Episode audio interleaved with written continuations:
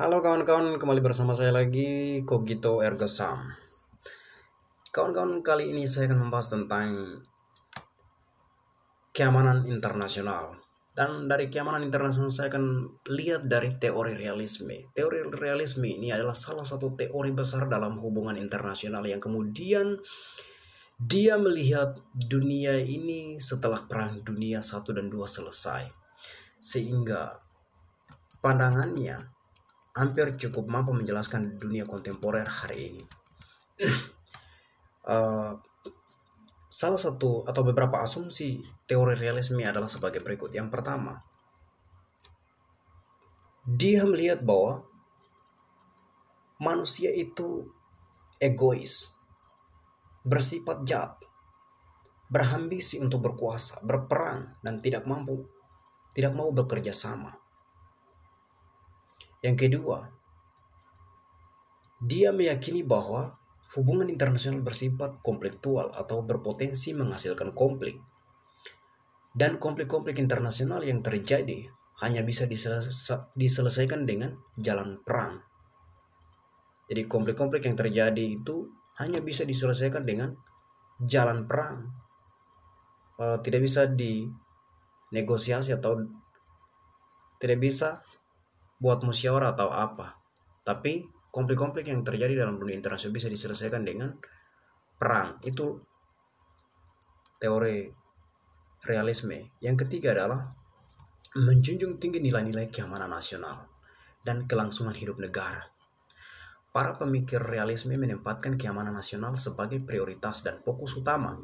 Dalam kacamata realis, keamanan militer dan isu-isu strategis tergolong kepentingan utama dan mengacu ke dalam kategori high politics, sedangkan isu-isu sosial dan ekonomi sebagai low politics. Yang keempat, bersikap skeptis terhadap kemajuan politik internasional seperti yang terjadi dalam politik domestik. Uh, dalam teori realisme, terdapat empat variabel utama yang menjadi elemen dasar dari realisme itu. Yang pertama, statisme. Statisme yaitu bahwa realis menilai bahwa negara merupakan satu-satunya aktor yang dihitung.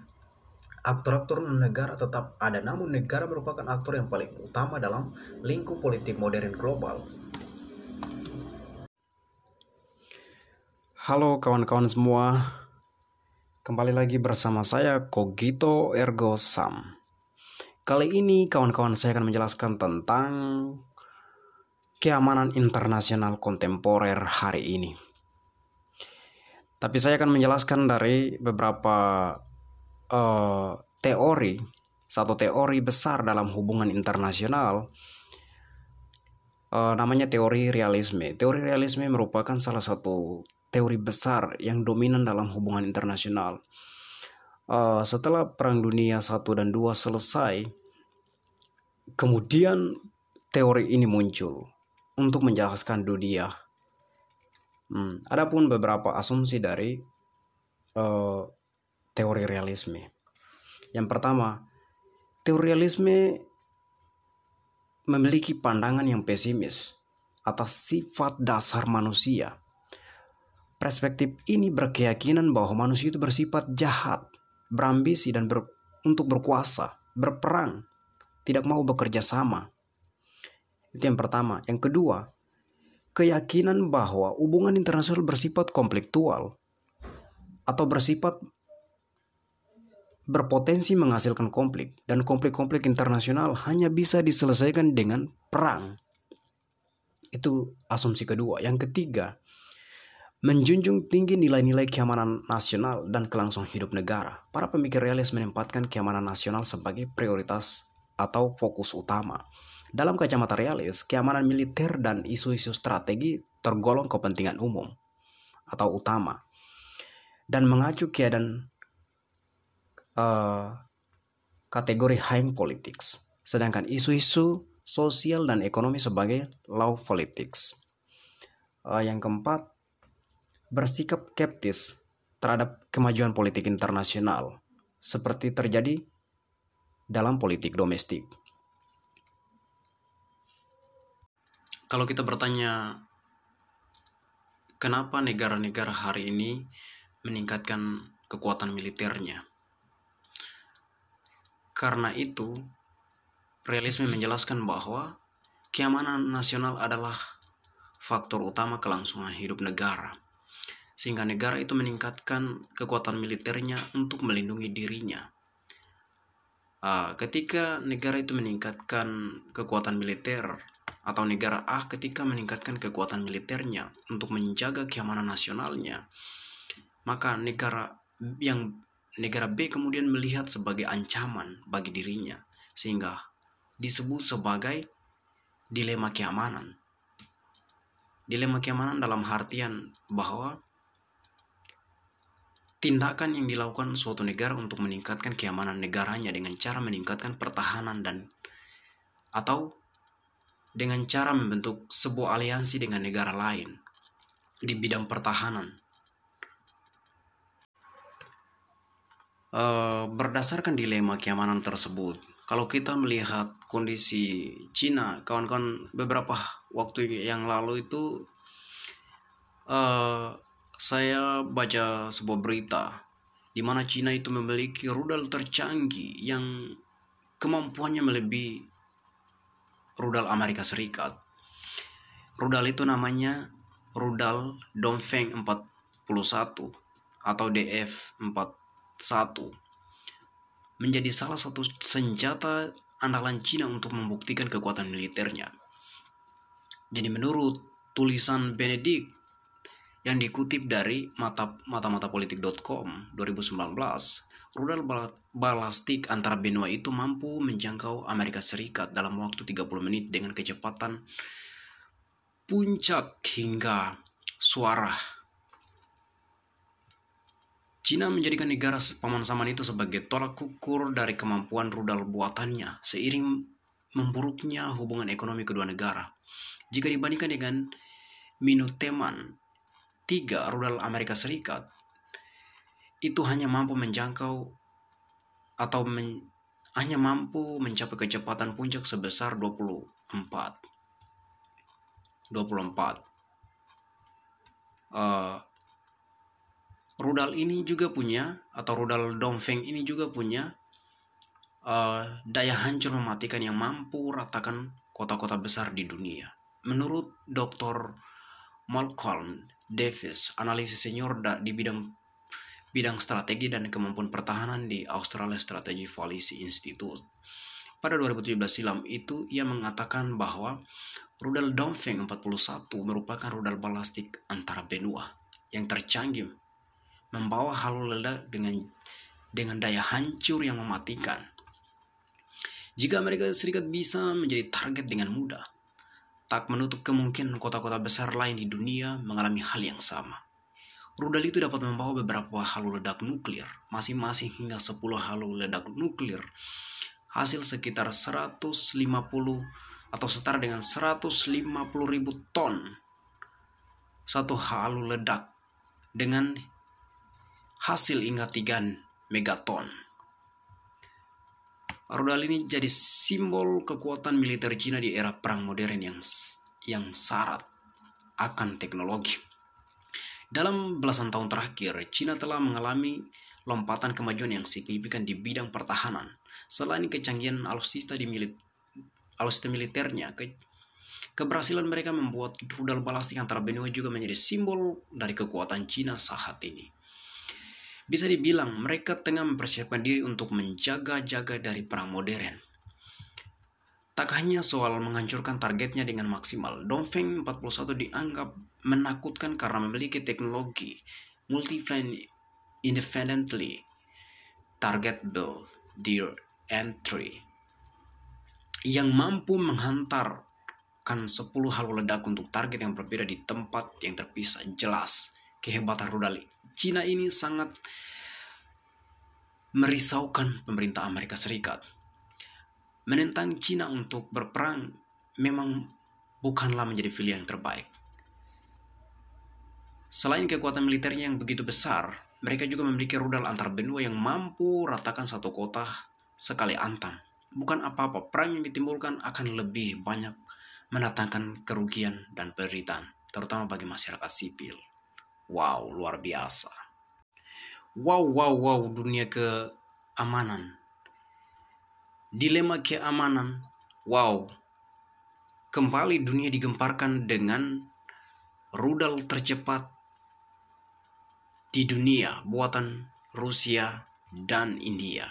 Dua perusahaan besar berdasarkan kerjasama antara Rusia sehingga menghasilkan sebuah rudal. Pada Desember 2019, India berhasil menguji versi udara rudal BrahMos dari jet tempur Su-30 MKI buatan Rusia. Peluncuran berjalan lancar. Rudal mengikuti lintasan yang diharapkan dan menyasar langsung target di laut lepas pantai.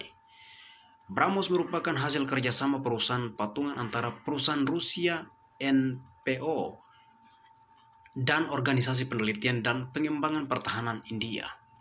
Rudal ini secara khusus telah menjadi dasar untuk mengembangkan lebih lanjut teknologi rudal jelajah Rusia untuk militer India.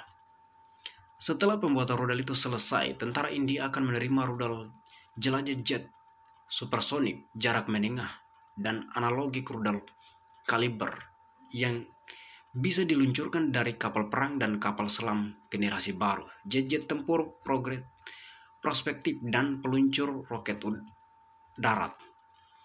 BrahMos India kini diyakini sebagai rudal jelajah tercepat di dunia.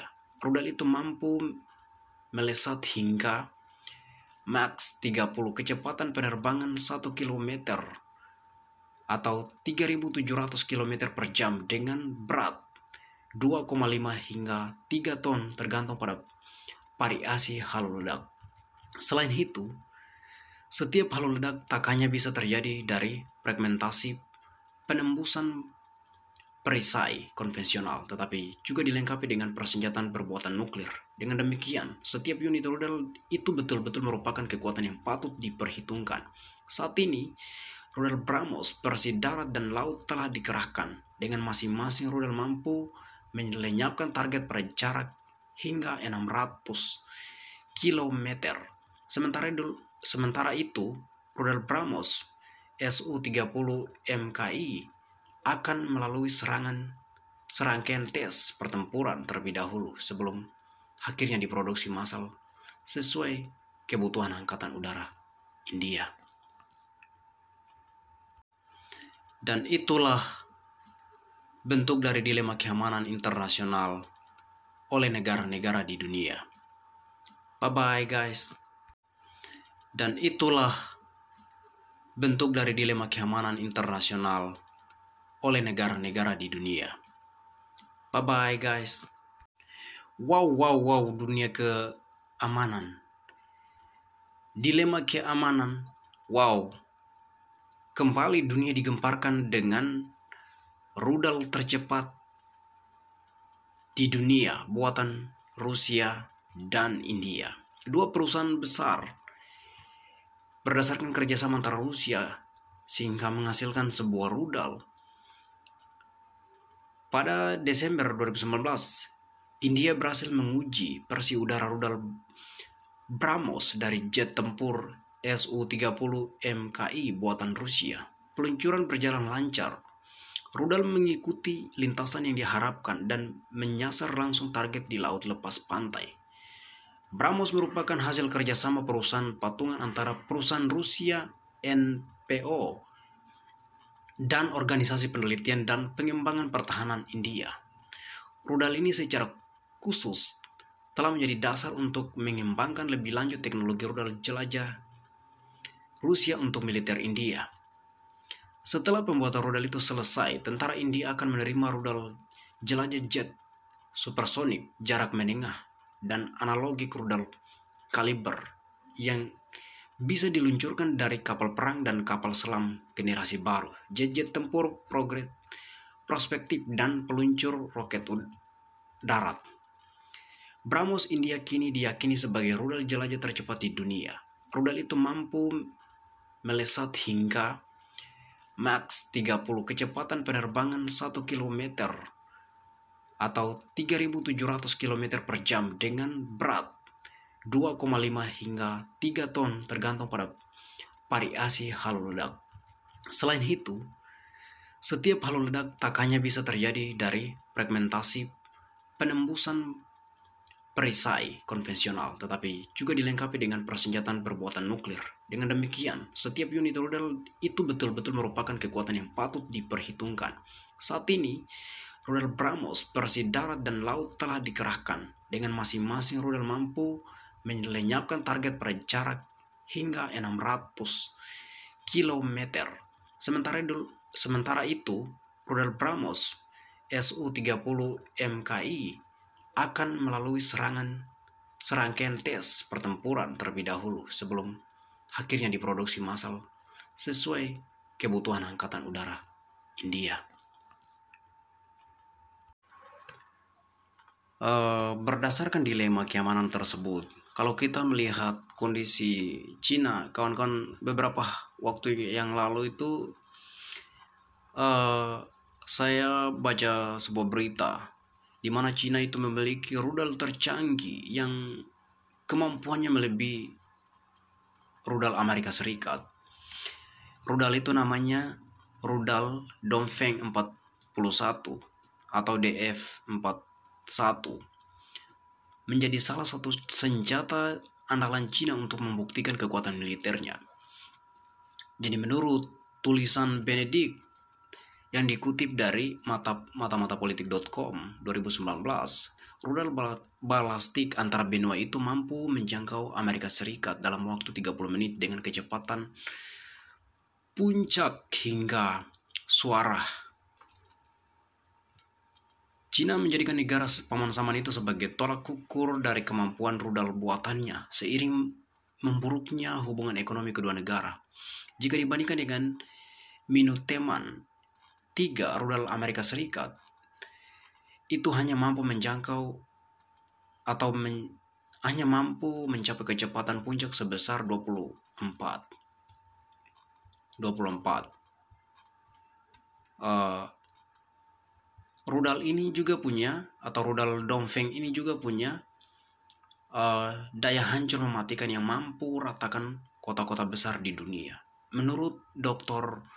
Malcolm Davis, analisis senior di bidang bidang strategi dan kemampuan pertahanan di Australia Strategy Policy Institute. Pada 2017 silam itu, ia mengatakan bahwa rudal Dongfeng 41 merupakan rudal balastik antara benua yang tercanggih, membawa halu ledak dengan dengan daya hancur yang mematikan. Jika Amerika Serikat bisa menjadi target dengan mudah, tak menutup kemungkinan kota-kota besar lain di dunia mengalami hal yang sama. Rudal itu dapat membawa beberapa halu ledak nuklir, masing-masing hingga 10 halu ledak nuklir. Hasil sekitar 150 atau setara dengan 150 ribu ton satu halu ledak dengan hasil 3 megaton. Rudal ini jadi simbol kekuatan militer Cina di era perang modern yang yang syarat akan teknologi. Dalam belasan tahun terakhir, Cina telah mengalami lompatan kemajuan yang signifikan di bidang pertahanan. Selain kecanggihan alutsista di milit, alutsista militernya, ke, keberhasilan mereka membuat rudal balastik antara benua juga menjadi simbol dari kekuatan Cina saat ini. Bisa dibilang mereka tengah mempersiapkan diri untuk menjaga-jaga dari perang modern. Tak hanya soal menghancurkan targetnya dengan maksimal, Dongfeng 41 dianggap menakutkan karena memiliki teknologi multi-flank independently targetable dear entry yang mampu menghantarkan 10 halu ledak untuk target yang berbeda di tempat yang terpisah jelas kehebatan rudal Cina ini sangat merisaukan pemerintah Amerika Serikat. Menentang Cina untuk berperang memang bukanlah menjadi pilihan terbaik. Selain kekuatan militernya yang begitu besar, mereka juga memiliki rudal antar benua yang mampu ratakan satu kota sekali antam. Bukan apa-apa, perang yang ditimbulkan akan lebih banyak mendatangkan kerugian dan penderitaan, terutama bagi masyarakat sipil. Wow, luar biasa. Kalau kita bertanya, kenapa negara-negara hari ini meningkatkan kekuatan militernya? Karena itu, realisme menjelaskan bahwa keamanan nasional adalah faktor utama kelangsungan hidup negara, sehingga negara itu meningkatkan kekuatan militernya untuk melindungi dirinya. Uh, ketika negara itu meningkatkan kekuatan militer atau negara A ketika meningkatkan kekuatan militernya untuk menjaga keamanan nasionalnya, maka negara yang negara B kemudian melihat sebagai ancaman bagi dirinya sehingga disebut sebagai dilema keamanan. Dilema keamanan dalam artian bahwa tindakan yang dilakukan suatu negara untuk meningkatkan keamanan negaranya dengan cara meningkatkan pertahanan dan atau dengan cara membentuk sebuah aliansi dengan negara lain di bidang pertahanan. Kalau kita bertanya, kenapa negara-negara hari ini meningkatkan kekuatan militernya? Karena itu, realisme menjelaskan bahwa keamanan nasional adalah faktor utama kelangsungan hidup negara sehingga negara itu meningkatkan kekuatan militernya untuk melindungi dirinya. Uh, ketika negara itu meningkatkan kekuatan militer atau negara A ketika meningkatkan kekuatan militernya untuk menjaga keamanan nasionalnya, maka negara yang negara B kemudian melihat sebagai ancaman bagi dirinya sehingga disebut sebagai dilema keamanan. Dilema keamanan dalam artian bahwa tindakan yang dilakukan suatu negara untuk meningkatkan keamanan negaranya dengan cara meningkatkan pertahanan dan atau dengan cara membentuk sebuah aliansi dengan negara lain di bidang pertahanan. Halo kawan-kawan semua, kembali lagi bersama saya Kogito Ergo Sam. Kali ini kawan-kawan saya akan menjelaskan tentang keamanan internasional kontemporer hari ini. Tapi saya akan menjelaskan dari beberapa uh, teori, satu teori besar dalam hubungan internasional, uh, namanya teori realisme. Teori realisme merupakan salah satu teori besar yang dominan dalam hubungan internasional. Uh, setelah Perang Dunia 1 dan 2 selesai, kemudian teori ini muncul untuk menjelaskan dunia. Hmm, adapun beberapa asumsi dari uh, teori realisme. Yang pertama, teori realisme memiliki pandangan yang pesimis atas sifat dasar manusia. Perspektif ini berkeyakinan bahwa manusia itu bersifat jahat, berambisi dan ber, untuk berkuasa, berperang, tidak mau bekerja sama, itu yang pertama. Yang kedua, keyakinan bahwa hubungan internasional bersifat konfliktual atau bersifat berpotensi menghasilkan konflik dan konflik-konflik internasional hanya bisa diselesaikan dengan perang. Itu asumsi kedua. Yang ketiga, menjunjung tinggi nilai-nilai keamanan nasional dan kelangsungan hidup negara. Para pemikir realis menempatkan keamanan nasional sebagai prioritas atau fokus utama. Dalam kacamata realis, keamanan militer dan isu-isu strategi tergolong kepentingan umum atau utama dan mengacu keadaan uh, kategori high politics, sedangkan isu-isu sosial dan ekonomi sebagai low politics. Uh, yang keempat, bersikap skeptis terhadap kemajuan politik internasional, seperti terjadi dalam politik domestik. Halo kawan-kawan, kembali bersama saya lagi Kogito Ergo Sam. Kawan-kawan, kali ini saya akan membahas tentang keamanan internasional. Dan dari keamanan internasional saya akan lihat dari teori realisme. Teori realisme ini adalah salah satu teori besar dalam hubungan internasional yang kemudian dia melihat dunia ini setelah perang dunia 1 dan 2 selesai. Sehingga pandangannya hampir cukup mampu menjelaskan dunia kontemporer hari ini. uh, salah satu atau beberapa asumsi teori realisme adalah sebagai berikut. Yang pertama, dia melihat bahwa manusia itu egois, bersifat jahat, berambisi untuk berkuasa, berperang, dan tidak mampu, tidak mau bekerja sama. Yang kedua, dia meyakini bahwa hubungan internasional bersifat konfliktual atau berpotensi menghasilkan konflik. Dan konflik-konflik internasional yang terjadi hanya bisa diselesaikan dengan jalan perang. Jadi konflik-konflik yang terjadi itu hanya bisa diselesaikan dengan jalan perang. Uh, tidak bisa dinegosiasi atau tidak bisa buat musyawarah atau apa. Tapi konflik-konflik yang terjadi dalam dunia internasional bisa diselesaikan dengan perang. Itu teori realisme. Yang ketiga adalah menjunjung tinggi nilai-nilai keamanan nasional dan kelangsungan hidup negara. Para pemikir realisme menempatkan keamanan nasional sebagai prioritas dan fokus utama. Dalam kacamata realis, keamanan militer dan isu-isu strategis tergolong kepentingan utama dan mengacu ke dalam kategori high politics, sedangkan isu-isu sosial dan ekonomi sebagai low politics. Yang keempat, bersikap skeptis terhadap kemajuan politik internasional seperti yang terjadi dalam politik domestik. Uh, dalam teori realisme, terdapat empat variabel utama yang menjadi elemen dasar dari realisme itu. Yang pertama, statisme. Statisme yaitu bahwa realis menilai bahwa negara merupakan satu-satunya aktor yang dihitung Aktor-aktor negara tetap ada, namun negara merupakan aktor yang paling utama dalam lingkup politik modern global.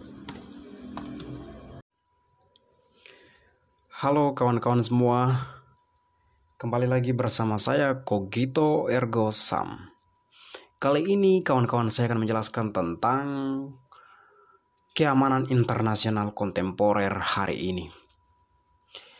Tapi saya akan menjelaskan dari beberapa uh, teori, satu teori besar dalam hubungan internasional, uh, namanya teori realisme. Teori realisme merupakan salah satu teori besar yang dominan dalam hubungan internasional. Uh, setelah Perang Dunia 1 dan 2 selesai, kemudian teori ini muncul untuk menjelaskan dunia. Hmm, adapun beberapa asumsi dari uh, teori realisme. Yang pertama, teori realisme memiliki pandangan yang pesimis atas sifat dasar manusia. Perspektif ini berkeyakinan bahwa manusia itu bersifat jahat, berambisi dan ber, untuk berkuasa, berperang, tidak mau bekerja sama. Itu yang pertama. Yang kedua, keyakinan bahwa hubungan internasional bersifat konfliktual atau bersifat berpotensi menghasilkan konflik dan konflik-konflik internasional hanya bisa diselesaikan dengan perang. Itu asumsi kedua. Yang ketiga, menjunjung tinggi nilai-nilai keamanan nasional dan kelangsungan hidup negara. Para pemikir realis menempatkan keamanan nasional sebagai prioritas atau fokus utama. Dalam kacamata realis, keamanan militer dan isu-isu strategi tergolong kepentingan umum atau utama dan mengacu keadaan uh, kategori high politics, sedangkan isu-isu sosial dan ekonomi sebagai low politics.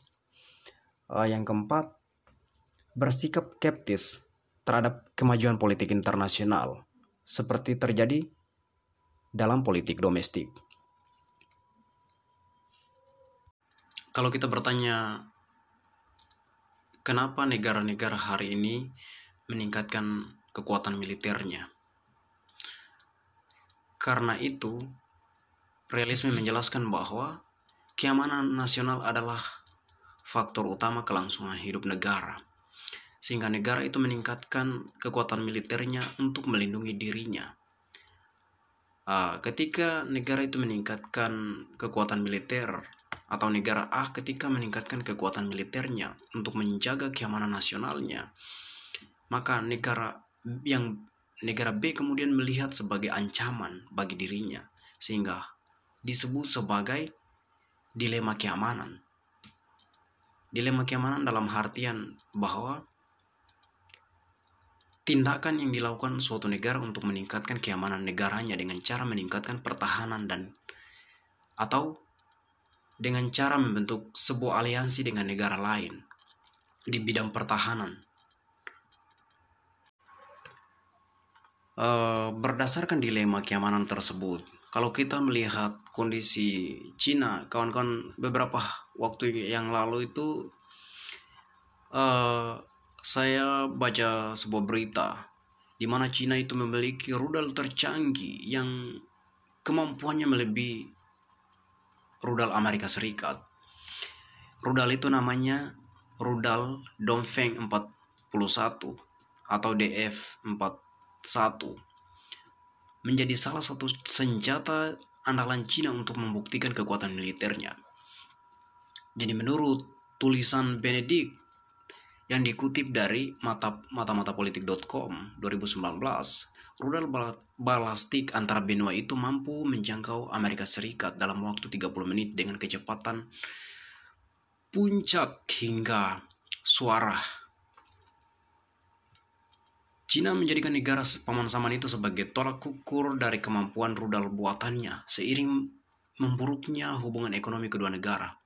Jika dibandingkan dengan Minuteman, tiga rudal Amerika Serikat itu hanya mampu menjangkau atau men, hanya mampu mencapai kecepatan puncak sebesar 24 24 uh, rudal ini juga punya atau rudal Dongfeng ini juga punya uh, daya hancur mematikan yang mampu ratakan kota-kota besar di dunia menurut Dr. Malcolm Davis analisis senior di bidang bidang strategi dan kemampuan pertahanan di Australia Strategy Policy Institute. Pada 2017 silam itu, ia mengatakan bahwa rudal Dongfeng 41 merupakan rudal balastik antara benua yang tercanggih, membawa halu ledak dengan dengan daya hancur yang mematikan. Jika Amerika Serikat bisa menjadi target dengan mudah, tak menutup kemungkinan kota-kota besar lain di dunia mengalami hal yang sama. Rudal itu dapat membawa beberapa halu ledak nuklir, masing-masing hingga 10 halu ledak nuklir. Hasil sekitar 150 atau setara dengan 150 ribu ton satu halu ledak dengan hasil hingga 3 megaton.